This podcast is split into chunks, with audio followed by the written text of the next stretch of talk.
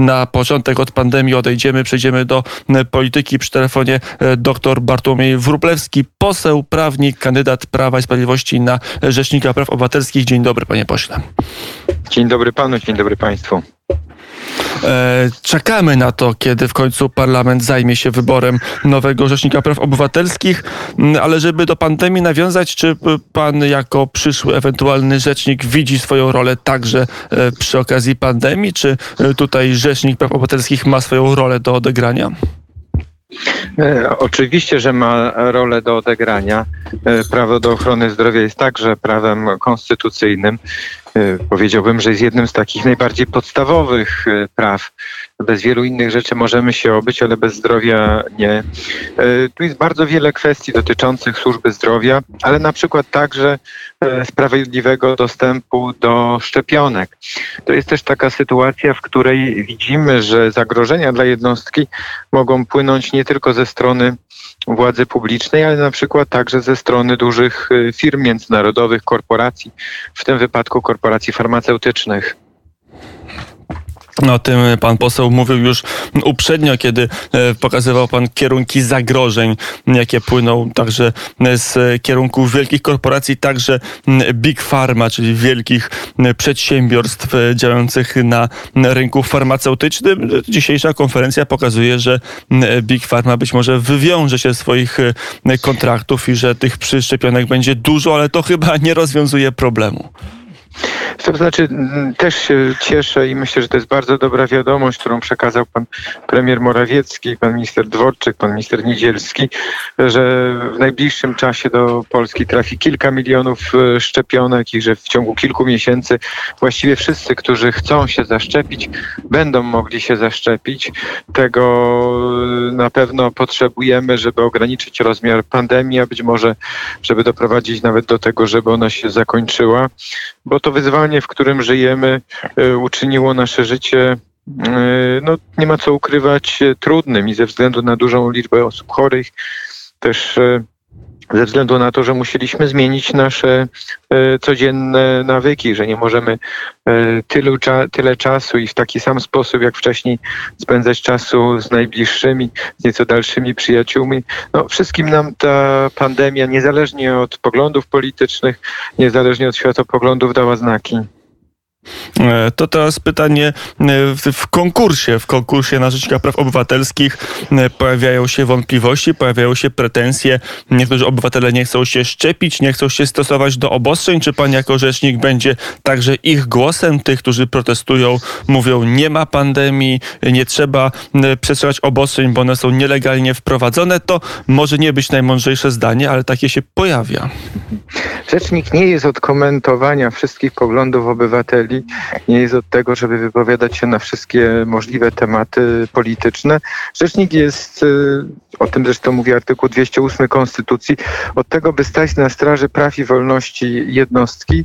Jednym z praw y, człowieka jest wolność słowa, no więc każdy z nas musi mieć możliwość wolnego wyrażania swoich y, poglądów, nawet jeśli się z nimi nie zgadzamy. I to wielokrotnie mówiłem o tym, że tego prawa, tak jak w wolności zgromadzeń na przykład, trzeba bronić, niezależnie od tego, czy zgadzamy się z tym, e, o czym mówią manifestujący, o czym mówią osoby w przestrzeni, w przestrzeni To, publicznej. co mówią, to jedno, a to, co robią. Czy pan jako Rzecznik Praw Obywatelskich e, podjąłby się obrony tych, którzy mówią, obostrzenia są nielegalne, albo nie ma zakazu demonstracji, bo nie można rozporządzeniem zakazać naszych swobód, które wprost z ustawy zasadniczej wypływają? Tutaj mamy kilka kwestii, które się jakby z sobą łączą, ale jednak są bardzo różne.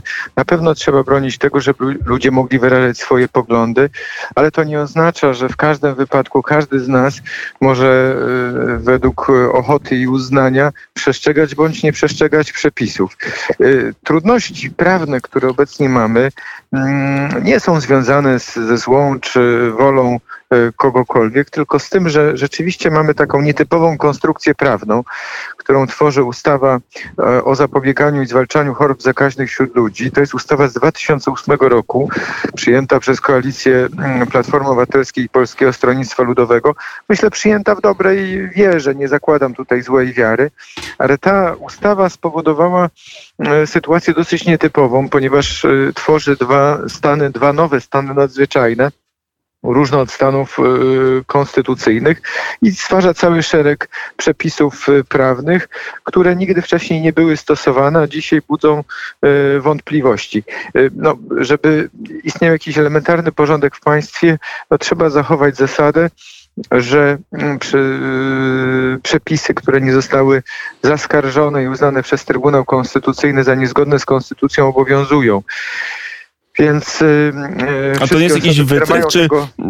nie, to pan znaczy, jako prawnik bardzo, nie zachęcałby bardzo... jednak rządu, także swojej cały czas jeszcze partii, przecież nie złożył pan legitymacji partyjnej do tego, aby wprowadzić jakiś stan nadzwyczajny, stan klęski żywiołowej, stan wyjątkowy, bo e, taka jest sytuacja i żeby poruszać się już w pełni w zapisach konstytucji, a nie e, takich ustaw, które mogą budzić wątpliwości, czy nie są protezą do konstytucji, nie są obejściem konstytucji. Znaczy tego rodzaju posunięcie także budziłoby wątpliwości wątpliwości konstytucyjne, dlatego że skoro mamy stan szczegółowy stworzony specjalnie na sytuacje pandemiczne, to wprowadzenie innego stanu nadzwyczajnego musi budzić kontrowersje. Więc prawidłowa kolejność była taka, żeby jednak najpierw e, zbadać konstytucyjność tych przepisów. To oczywiście jest mm, Możemy tutaj mówić no, o świecie idealnym yy, i tak powinno to wyglądać. Natomiast oczywiście podejmowanie takich działań w trakcie pandemii no, przypominałoby, nie wiem, zmianę wierzchowców w czasie przeprawy przez rwącą rzekę z wszystkimi tego konsekwencjami. To jest bardzo niebezpieczna, trudna operacja i wydaje mi się, że dopiero po zakończeniu pandemii będziemy w stanie e, mm, dokonać rewizji tych e, przepisów, które obecnie są, znaczy z jednej strony dokładnego sprawdzenia, e, czy one się sprawdzają w takich sytuacjach i do jakiego stopnia się sprawdzają, a po drugie oczywiście wyjaśnienia tych pojawiających się wątpliwości konstytucyjnych. Natomiast to, co chciałem powiedzieć, że no, musimy już niezależnie od tego, jakie mamy poglądy, starać się, e, żebyśmy jako państwo, jako społeczeństwo przeszli przez tą e, pandemię mm, i przyjęli, że nie ma tu żadnej e, złej woli ani ze strony tych, którzy dzisiaj stosują przepisy. Ja zakładam, że nie było ich także, także złej woli w stosunku, jeśli chodzi o osoby, które te przepisy przyjmowały. Ta sytuacja jest sytuacją tak nową i tak trudną, że. Ale czy nie jest, jest sytuacją, to... która jednak e, w jakiś sposób e, no, może godzić w wolności i prawa obywatelskie, znaczy, których pan jako rzecznik sposób. miałby strzec? To znaczy w oczywisty sposób y, sytuacja i te ograniczenia ograniczają nasze prawa i wolności. To nie oznacza jednak, że są one niezgodne z konstytucją, y, choćby dlatego, że no, każde każdego dnia, nie, nawet poza czasem pandemii, musimy y, żyć w stanie wielu ograniczeń, na przykład związanych, nie wiem, z wysokością podatków, na przykład związanych y, z przepisami. Ale to już nie y, zostańmy przy pandemii, panie pośle. Gdyby pan był w tej chwili, bo proces trochę się ślimaczy, do tego też tu przejdziemy, gdyby pan był już w tej chwili wybrany i urzędującym Rzecznikiem Praw Obywatelskich, to jakie działania by pan podjął? Czy ta sytuacja wymagałaby pana działań, żeby strzec wolności obywatelskich? Na pewno należało podejmować podejmować różne działania, na przykład wszystkie kwestie związane z wolnością prowadzenia, swobodą prowadzenia działalności e, gospodarczej.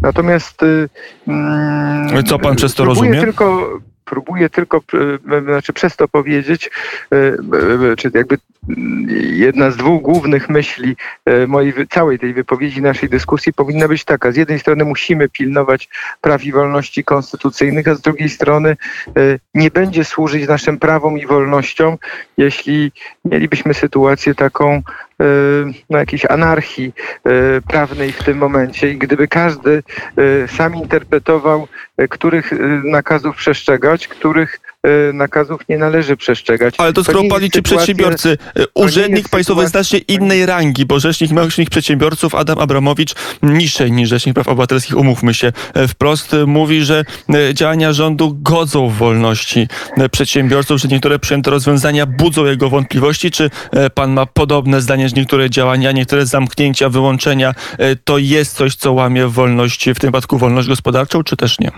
Za, znaczy, bo znowu stawia Pan kilka różnych pytań. Jedną rzeczą to jest to, czy e, różne działania związane z pandemią ograniczają prawa i wolności, w tym wolność, e, swobodę prowadzenia działalności gospodarczej, bez wątpienia stanowią takie ograniczenie. Inna rzecz, czy te ograniczenia są zgodne, czy są niezgodne z konstytucją.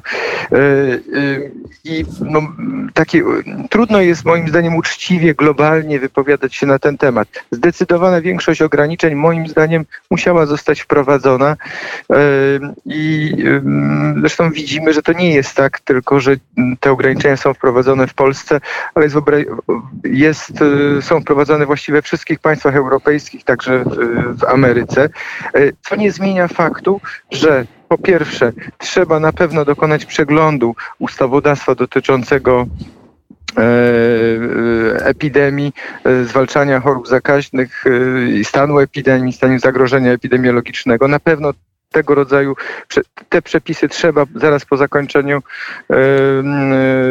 stanu epidemii obecnego koronawirusa, obecnej fali, może nie fali, ale całej pandemii koronawirusa przejrzeć e, i dostosować do przepisów konstytucji w taki sposób, by nie budziło to w przyszłości wątpliwości. E, ale powtarzam, e, jest bardzo trudno moim zdaniem przeprowadzić tego rodzaju zmiany i nawet dyskusję, spokojną dyskusję na ten temat w sytuacji, kiedy musimy się z tym z tym paskudztwem e, jako społeczeństwo zmagać. Doktor Bartłomiej Wróblewski, e, prawnik, e, konstytucjonalista, e, poseł Prawa i Sprawiedliwości, kandydat na Rzecznika Praw Obywatelskich, gościem popołudnia wnet. Panie pośle, kiedy słuchałem naszej poprzedniej rozmowy, już po pana nominacji przez partię do tej funkcji, do startu oficjalnej państwa, pana drogi do rzecznikostwa, powiedział pan, że być może głosowanie w Sejmie to będzie 30 marca. Mamy 30 marca głosowania w Sejmie nie było. Dlaczego i skąd, i skąd to przedłużenie? Bo bo to też zacytuję jeszcze moją poprzednią rozmowę z e, panem profesorem Michałem Seweryńskim, e, marszałkiem, e, byłym wicemarszałkiem Senatu, który mówił, że tak, także senatorem Prawa i Sprawiedliwości, który prawnikiem, który mówi, że to jest niepoważne, a mówił to ho, ho trzy miesiące temu na antenie radia wnet, jak nie dalej. E, prawda jest taka, że to rzeczywiście niedobrze, że przez wiele miesięcy e, nie ma, e, nie doszło do decyzji dotyczących nowego Rzecznika Praw Obywatelskich. Ze wszechmiar staram się przekonać do tego, że mm, warto mm, mi zaufać i dobrze by się stało dla państwa i dla samej instytucji, gdyby do tego wyboru doszło. Oczywiście w świecie mm, na przykład, zgodnie z postulatem Pawła Kukiza, gdyby było tak, że to wyborcy dokonywaliby tego wyboru, pewnie ten wybór już by został dokonany. Jest tak byłoby lepiej? Kiedyś w przyszłości. Na pewno jest to rozwiązanie, które byłoby jakimś rozwiązaniem proobywatelskim, ale dzisiaj jest to niemożliwe ze względu na przepisy obowiązującej konstytucji, zgodnie z którymi potrzeba uzyskać zgody i Sejmu, i Senatu. Wybiera Sejm, ale zgody udziela Senat, a w sytuacji, kiedy w Sejmie większość ma Zjednoczona Prawica, a w Senacie ma e, opozycja. No, trzeba pewnej e, e, trzeba sporego talentu dyplomatycznego, żeby przekonać opozycję do wsparcia kandydata większości sejmowej. Ja w ostatnich dwóch tygodniach prowadziłem szereg rozmów politycznych z różnymi środowiskami w parlamencie. Cieszę się, że są głosy wspierające moją kandydaturę, głosy wolnościowe i konserwatywne e, z środowisk konfederackich, mm, wolnościowych od Pawła właśnie Kukiza. E, prowadzone są, prowadzę także inne rozmowy i mam nadzieję, że to poparcie już w Sejmie będzie znacznie wykraczać poza Zjednoczoną Prawicę. Ale to jest powód tego przesunięcia o dwa tygodnie głosowania nad rzecznikiem, że e, cały czas trwają rozmowy i że e, ktoś dał, to ładnie partia rządząca, ta, która ma większość w Sejmie, e, dała panu jeszcze dwa tygodnie czasu na to, aby ta większość w Sejmie była daleko większa niż tylko partia rządząca. Znaczy ja nic nie wiem o tym, żeby doszło do przesunięcia tych, tego wyboru, bo nigdy nie był planowany. Y, można było się zastanowić, czy rzeczywiście już 30 nie mogło być, nie mogły być, y, ta decyzja nie mogła być podjęta, ale tego czasu rzeczywiście od momentu, kiedy zakończyła się y, procedura zgłaszania kandydatów, no nie było dużo czasu na to, aby był już, mm, już był zaplanowany porządek tego posiedzenia, które dzisiaj właśnie się skończyło, więc byłoby to dodanie kolejnego punktu. Organizacja e, Komisji Sprawiedliwości, zaproszenie wszystkich kandydatów, więc prawdopodobnie te wszystkie elementy zdecydowały o tym, że no i taka też jest, e, e, że nie ma tu nadzwyczajnego przyspieszenia w tej sprawie, tylko zgodnie z, z, z tym kalendarzem, który był, dopiero na kolejnym posiedzeniu Sejm podejmie decyzję w tej sprawie. Komisja Sprawiedliwości wyrazi swoją opinię, a później Sejm podejmie decyzję w tej sprawie. Mm, e, Sejm jest prawie że pewien, zwłaszcza jeżeli jest poparcie części ruchu Kukiz 15 i części e, Konfederacji, to e, spokojnie pan poseł uzyska mm, większość akceptację Izby niższej, potem będzie kłopot z Izbą wyższą. Pan już o tym myśli, czy pan najpierw się skupia tylko na Sejmie, a potem dopiero będzie tak naprawdę rozmowa o tym, co w Senacie?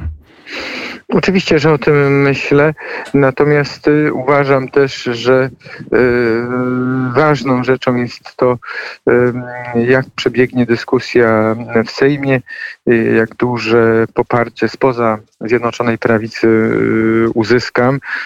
Zależy mi na tym, żeby przekonywać różne środowiska polityczne. Ja mówię o czterech obszarach. Pomoc najsłabszym, także osobom niepełnosprawnym, także różnego rodzaju ofiarom pandemii, osobom, których prawa i wolności w tym czasie szczególnie były mocno ograniczane. Do pewnego stopnia było to konieczne. Drugi obszar to jest to jest prawa i wolności rolników oraz mieszkańców terenów wiejskich. Trzeci to obrona tradycyjnych, konserwatywnych wartości, praw i wolności uregulowanych w Konstytucji, rodziny, praw rodziców do wychowania dzieci zgodnie z przekonaniami czy wolności wyznania.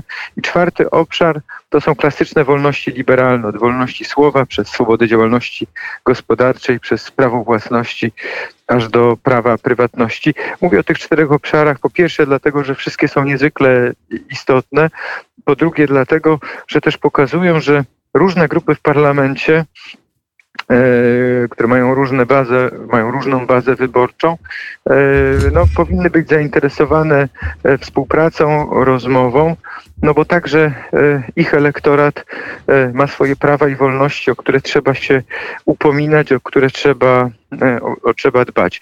Ja staram się wszystkim środowiskom politycznym powiedzieć, że e, niezależnie od moich osobistych poglądów, rzecznik broni wszystkich praw i wolności uregulowanych w Konstytucji i ustawach. Ja rozumiem, jaka to jest odpowiedzialność, więc nie będę działać ani w logice rządu, ani w logice opozycji, ale w logice Konstytucji. No dobrze, ale to ładnie to brzmi, tylko że praktyka polityczna jest taka, że rzecznik, jeżeli z kimś wchodzi w konflikt, to najczęściej z rządzącymi. Kiedy tak słuchałem tego, co pan poseł mówił, to przynajmniej w tym pierwszym punkcie można spokojnie dostrzec tego, że tutaj nie będzie pola łatwej współpracy, że nawet może pojawić się konflikt między panem a stroną rządzącą. Jakie pola konfliktu pan widzi? Ja wiem, że to złe słowo, pan powie, że nie konflikt, tylko współpraca, ale, ale praktyka jest taka, że czasami trzeba będzie wejść właśnie w spór. Po pierwsze, e, rzecznik e, musi zabiegać prawa i wolności, które mogą być zagrożone przez władzę publiczną w całej jej róż, różnorodności, bo władza publiczna może być władzą europejską, władzą państwową albo władzą samorządową. Chodzi o władzę dzisiaj, ale także władzę po każdych kolejnych e, wyborach.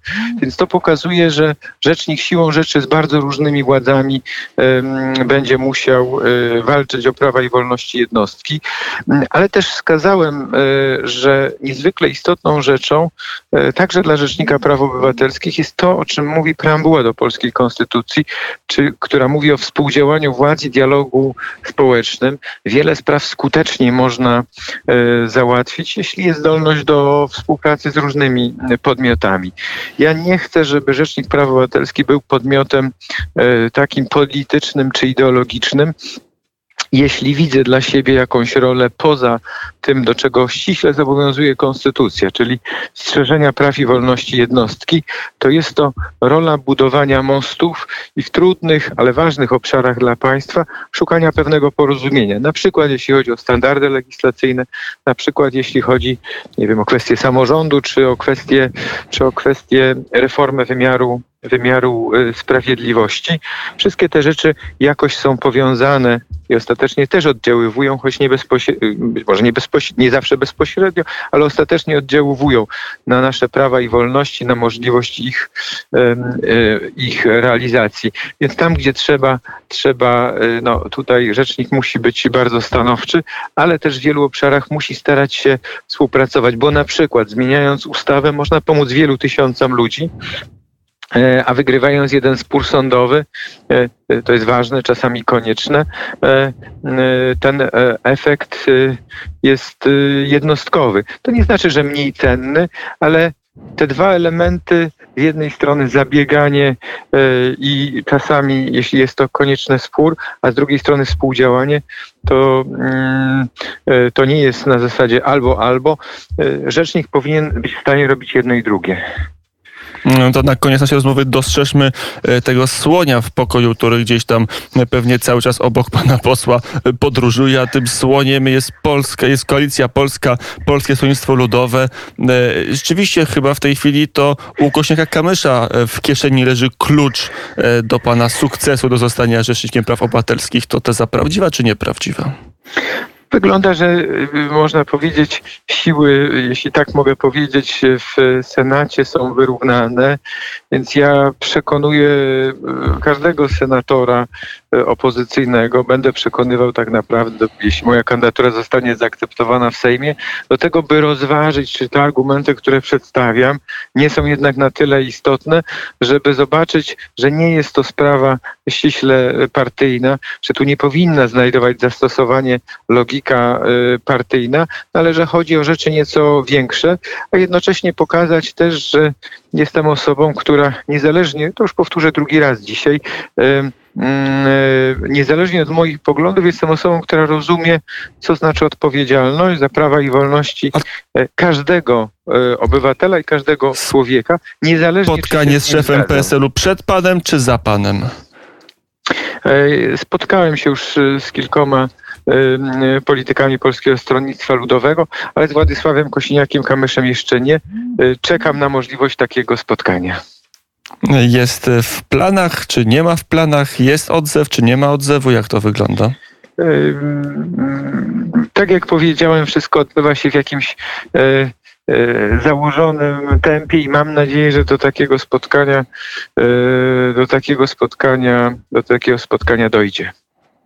Mm, powiedział Bartłomiej Wróblewski. Ja tylko powiem co do Senatu, bo w zeszłym tygodniu gościem był Wojciech Konieczny, senator z Lewicy, który powiedział, że nie mówi y, jednoznaczne nie, że szanse są bardzo niewielkie, ale y, nie są zerowe, żeby poparł Bartłomieja Wróblewskiego.